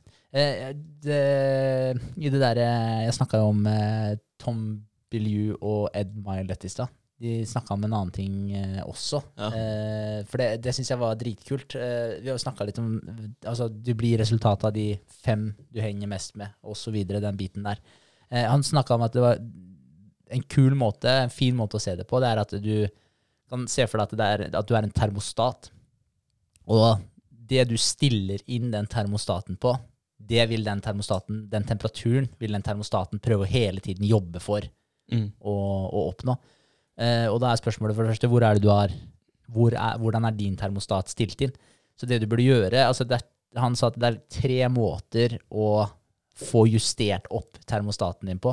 Den ene er å være i nærheten av en annen termostat som er stilt mye høyere enn din egen. Mm. For da vil du få varme fra den termostaten. Og da handler det jo om å sette deg sjøl i settinger med folk som er mer kompetente enn deg, og som er litt mer der som du har lyst til å komme.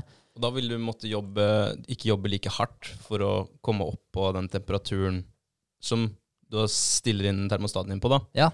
Fordi det allerede er varmere i rommet ved siden av, liksom. Og, og det gir jo også mening, for Mm. du vil jo sikkert dra til deg masse sånn Kunnskap og ja, erfaring. ubevisst, liksom. At det bare å være med den personen og se hva den gjør, høre hvordan den prater, hvordan den tenker på ting. Og, og du vil jo dra til deg mye av det her med en mindre effort, da. Mm. Garantert. Så um, helt klart. Eh, det andre han sa, det var at du kunne kjøre på liksom små burst med masse Med masse At du gjør mye, da. At du er superproduktiv Mm. på et, eh, en eh, kort tidsperiode. For da vil du eh, hoppe på en måte opp, og så vil du ikke synke like lavt igjen etterpå. da. Så, så, så det var det ene han sa også. da, at Hvis du har sånn supereffektiv periode, så vil du komme deg såpass langt opp at du vil sikkert falle litt ned igjen, da. Men da du vil ikke falle like langt ned som du var igjen. da. Så hvis du tar sånne bursts, da.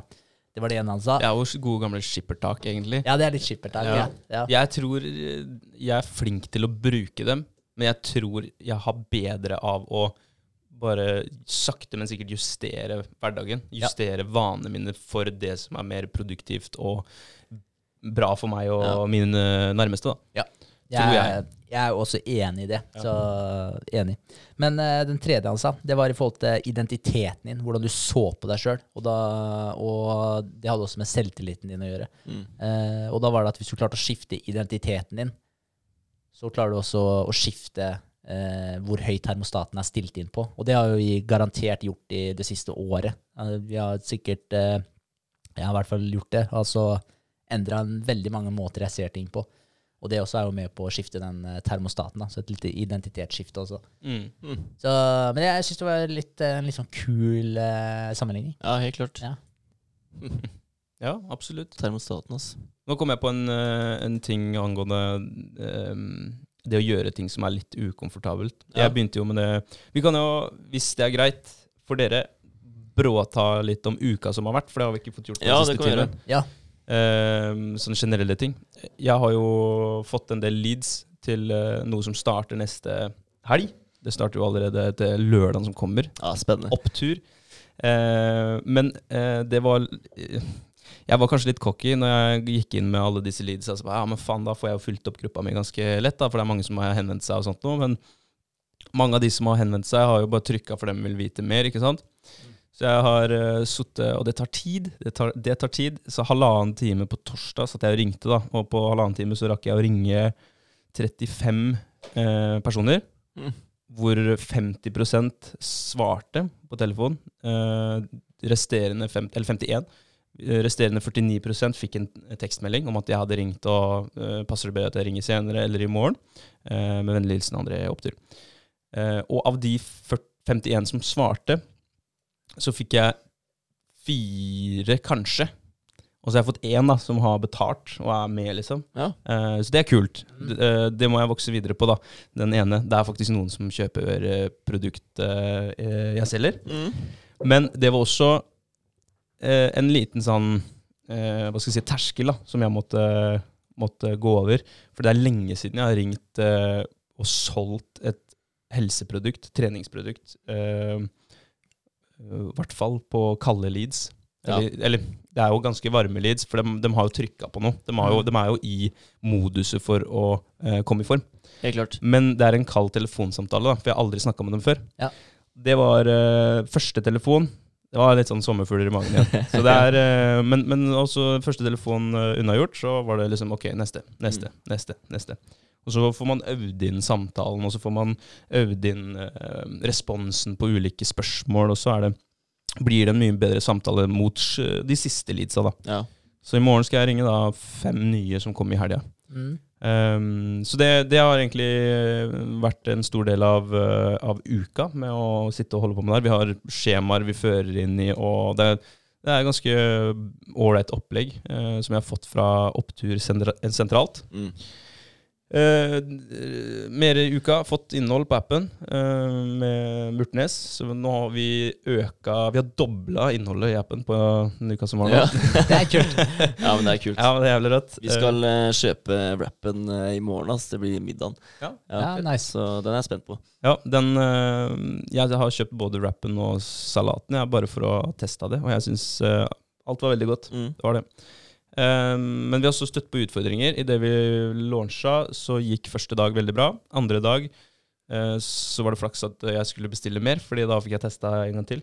Da fikk vi ikke notifikasjoner, og eh, han fikk ikke noen notifikasjoner han fikk bestilling. Mm. Eh, bare Det dukka opp en bestilling, så det var bare sånn flaks hvis han gikk bort og så på tabletten som vi har gitt den. da. Mm. Så det var jo litt kjipt. Så da bare satte jeg meg ned og sendte en urgent mail til utviklerne.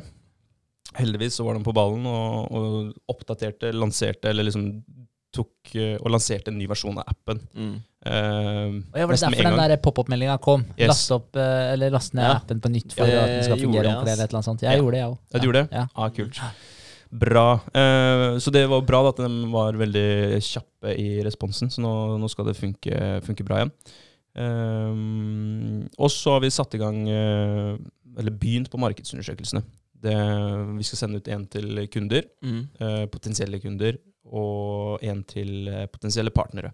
Mm. For å finne ut eh, om vi skal bare la alle få legge inn menyene sine der, som har et eller annet eh, nøyd-innhold. da. Bare legge ut menyen, sånn at folk lett kan finne fram. Mm. Så vi får se. Ja. Det er, ikke, det er Eh, ikke dumt, det.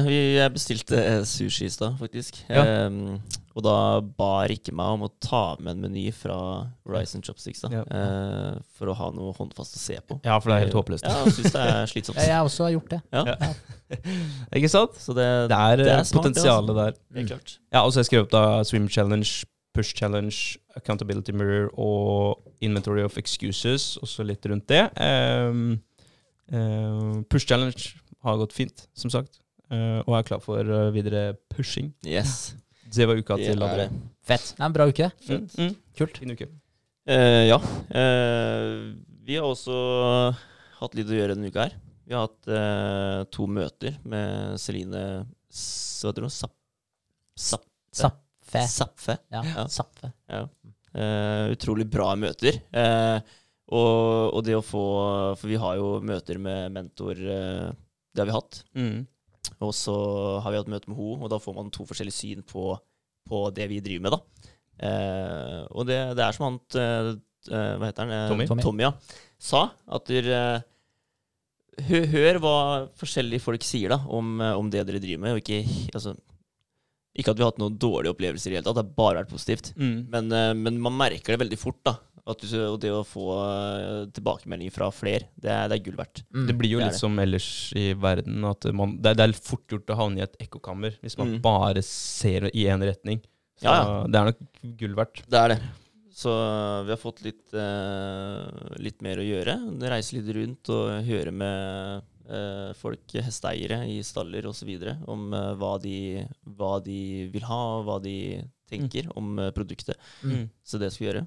Segmentering av markedet, egentlig, var det Yes. du snakka om. Det er det. Jeg sleit litt med å få koll på det ordet der. Ja, Hun sa jeg egentlig det i første møtet jeg hadde med henne, Ja. for en god stund siden, så sa hun det også, at der, du må segmentere markedet. Mm. Jeg bare, ja, ok, men jeg klarte liksom ikke helt å skjønne? Dele opp markedet, liksom. Ja, Ja. men jeg bare sånn, ja, men jeg, jeg klarte liksom ikke helt eh, å rappe huet mitt rundt det. Men Nei. nå er det veldig logisk for meg. For nå, vi har jo snakka veldig mye med én type størrelse på en stall, og, hvordan, og de gjør jo ting forholdsvis likt, da. Mm. I stallen nede hos brorsan og i stallen oppe hos dere, Vegard. Ja. Eh, men vi har jo ikke prata med folk som har hesten sin på svære staller som er i regi av en travbane, f.eks. Mm. eh, for der fungerer ting veldig annerledes. Ja. Der kan det være dem som eier stallen, tydeligvis, som, som kjøper inn Altafôr. og Det er bare sånn, det er det her dere fôrer med. Ah, Ferdig okay. snakka. Ja. Så, så det er eh, det er litt forskjellige greier, og da handler det om hva er behovet til de som, bo, eller de som har hesten sin i sånne type staller som det vi er vane med. Mm. Eh, hva er behovet til de som har eh, hesten sin i sånne svære staller? Hva er behovet til stalleier i svære staller? Er det et behov vi kan dekke der? Hva er behovet til stalleier på sånne litt mindre staller? Eh, ja, stevner, Ja, ja. når man drar på stevner. klart. Så, Og de som bare har hesten i som privat. Det, er, Ja. er vel sikkert folk som har det òg. Ja, Ja. hobbyrytteren, liksom. ja, Ja, ja. så, så, Det så er veldig mange forskjellige områder da, Yes. å hente informasjon fra. Så det er det vi må finne ut, egentlig. Ja. Hva, hva er det den gruppa her ønsker? Hva er det den gruppa her ønsker? Mm. Den gruppa, så videre. Mm. Det Er det noen grupper vi treffer bedre da enn andre? Ja. Ja. Finne målgruppa. Men er det, er det da sånn at dere definerer de markedene, de ulike segmentene? Definerer liten stall, stor stall, privat, bla, bla, bla? Ja. ja ok. Det er det. Kult. Det er det. Og så har vi vært hos eh, eh, blikkenslager eh, Patrick Svendsen. Ja, Det kult. har vi, ja. Eh, han har eh, lagd eh, eh, designa eh, Prototype? Ja, eller det vi skal bruke for å lage prototypen, da. Mm. Eh, så det var kult, og han var eh, utrolig hyggelig. Vi ringte han eh, på kvelden på tirsdag, tror jeg, Ja. eh, og spurte egentlig om jeg kunne komme dagen etterpå, da, for å få høre meg litt om de kunne gjøre det. Mm. Eh, men da sa han bare at vet du hva, vi kan egentlig bare ta det nå. Ja, han hadde ferie til og med. Ja. Og han bare tok det på sparket da, og tok med oss opp, i, opp til firmaet hans og lagde det her for oss da, på noen timer. Så det var skikkelig kult eh, gjort han. Ja, utrolig utrolig ålreit. Det, Ja, er- det er en eh, fin fyr. Veldig positiv og veldig hjelpsom. Helt klart. Så, Det ja. ble et veldig bra, veldig bra sluttresultat òg på det produktet, Mm. eh, ja, hvis man kan kalle det det. Ja. Ja. Så det er kult. Ja. Og så har det vært eh, pushup eh, challenge, da, og vi har svømt over eh, fjorden. Eh, Pushupsen den har vært tung, ass. Den har det. Men jeg har kommet meg gjennom det. Mm. Det har jeg. Og jeg Jeg skal ikke gi meg ennå. Det skal jeg ikke. det lå litt sånn undertone at jeg vet ikke om det blir 30 dager her, men ja. Neida, men man blir jo bare sterkere og sterkere på det, da. Ja. Det, eneste, det eneste jeg er usikker på, da, det er om det går Om det stiger for kraftig, da, ut ifra hvor eh, hvor fort sterk jeg blir, da. Mm. Om du klarer å Ja. henge, henge etter. Ja.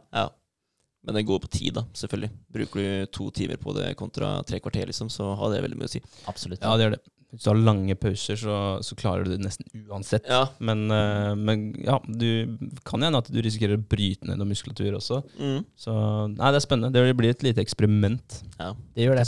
Men, eh, men det er kult, for det er en, det er en skikkelig sånn derre Det er en pushe deg sjøl-challenge. Da, du- da må du jobbe med huet ditt. Ja, ja, Det er sånn hver dag, så ja. Det er som han der David eh, Goggins da, som har de utfordringene her. Han tok jo Han satte jo rekord i hangups. Hvor mange tok han? Det var flere tusen. Ja, han tok over 3000. Ja. Jeg husker ikke hvor mange han tok. Jeg er på under 24 timer. Ja, ikke sant? Så han, der kjørte han kroppen sin, da. Og det, han ødela ikke kroppen sin pga. det, jeg vet ikke, men eh, Nei, bare henda. Men Ja. eh, Men still, da. Altså man, man klarer å ta ganske mange før du faktisk bryter deg ned, vil Ja. jeg tro. Men det som er så sjukt med akkurat det greiene der òg, det er jo at der, for det første, han har ikke en pullup-kropp. Han, han veier eh, over 80 kilo og har en eh, god del muskelmasse.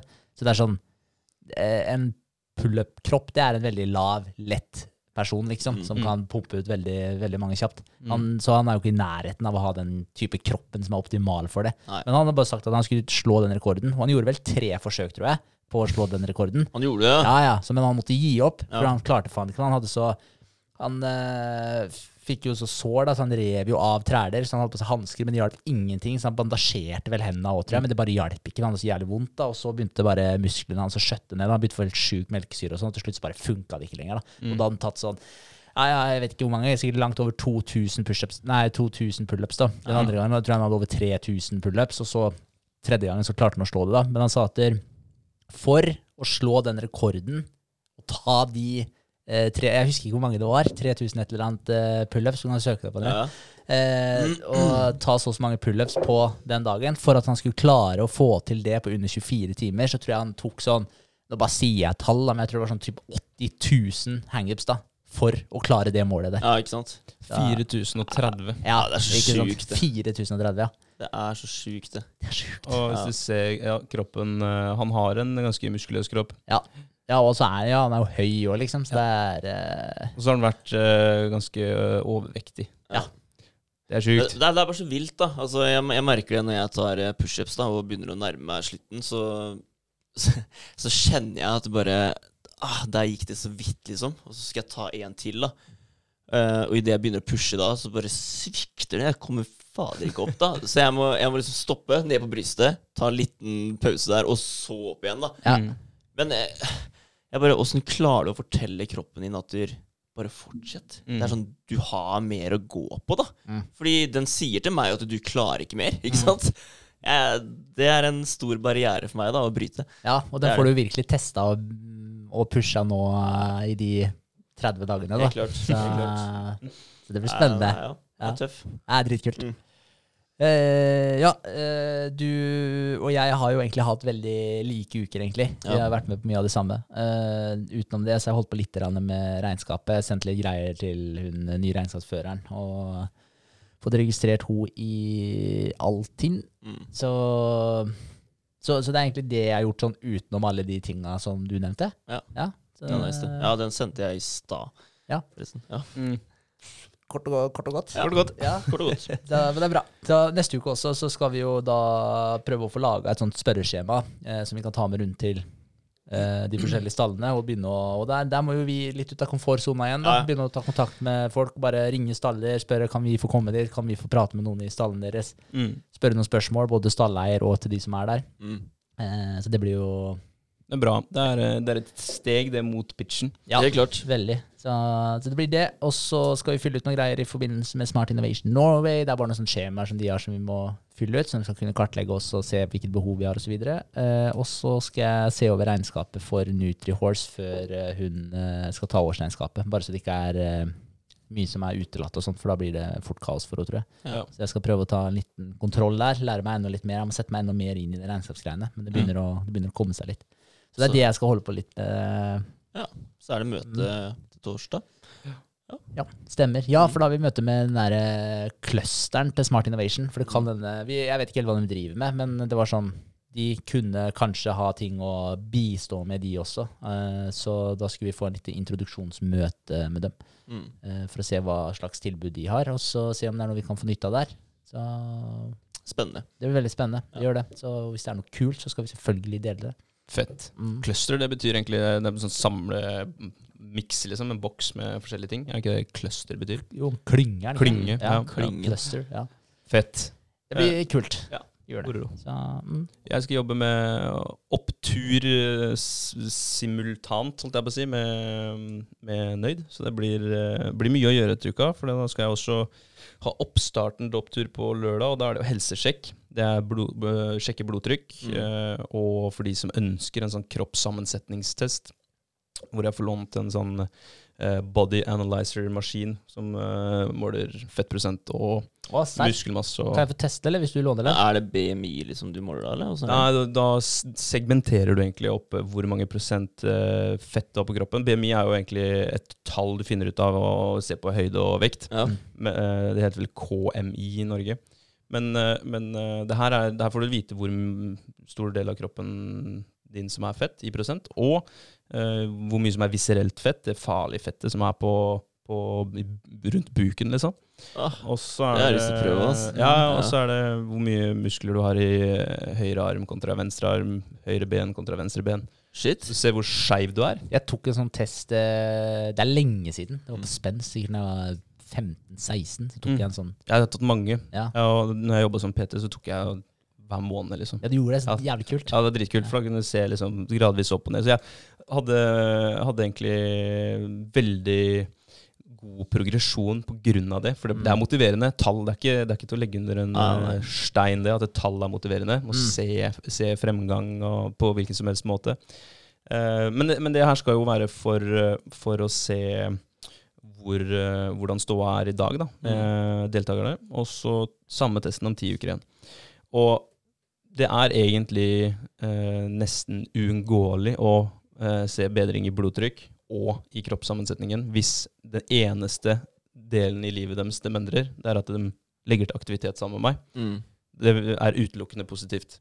Så det er veldig motiverende for meg, for da vet jeg at det, det kommer noe godt ut av det. Sånn at de kan kanskje bli med igjen, da, eller få med flere neste, neste runde. Ja, og det jeg skulle si, det blir veldig spennende å se eh, etter første og andre gangen du har hatt, da. Mm. Eh, om, om folk For det er det som liksom er den type enkleste måten å rekruttere mennesker på. da, At én er fornøyd med det du gjør, Ja. og så sier han det videre da, og sier til kompisen din 'bli med på det her'. ikke sant? Mm. Så det, det blir gøy å se. Det blir kjempegøy, og det, det er jo det som er eh, fakta i eh, Oslo, når Mm. de har starta opp med de greiene her. For gruppe, første gruppa var sånn fem stykk.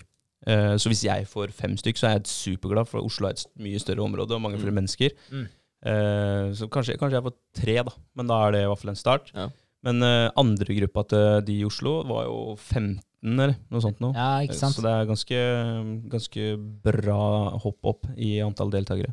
Kult. Ja, så det blir Det er lørdag, så da må jeg få tak i litt utstyr, litt strikker, litt For da er det Og så skal jeg holde foredrag. Så jeg må også ut av Ja, okay. Kult. Jeg skal holde foredrag for de om både opptur og hvorfor, hvorfor jeg vil at de skal være med, hvorfor man skal bevege seg. eh, Alle de, de positive side-effektene da med å, å være litt mer aktiv. Mm.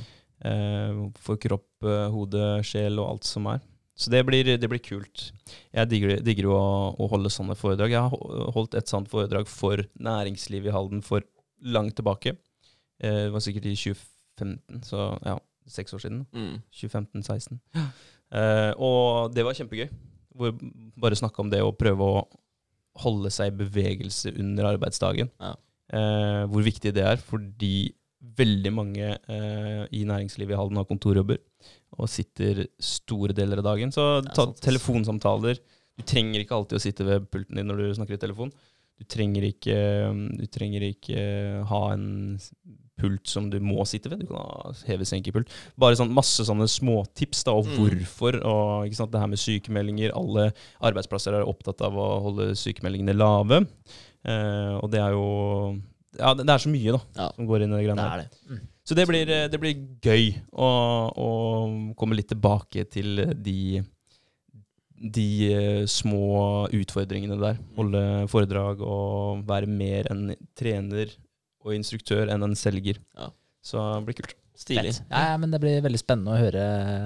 Hvordan det går. Ja, ja, ja. Det kommer sikkert til å bli kjempebra. Ja. Du er jo flink på den fronten der, så det, det er ikke Ja, så det tror jeg ikke er noe problem, over. Takk, takk, takk. takk. Det, er, eh, Det veldig hjelper at dere sier det. Ja. Det er bra. Det er bra.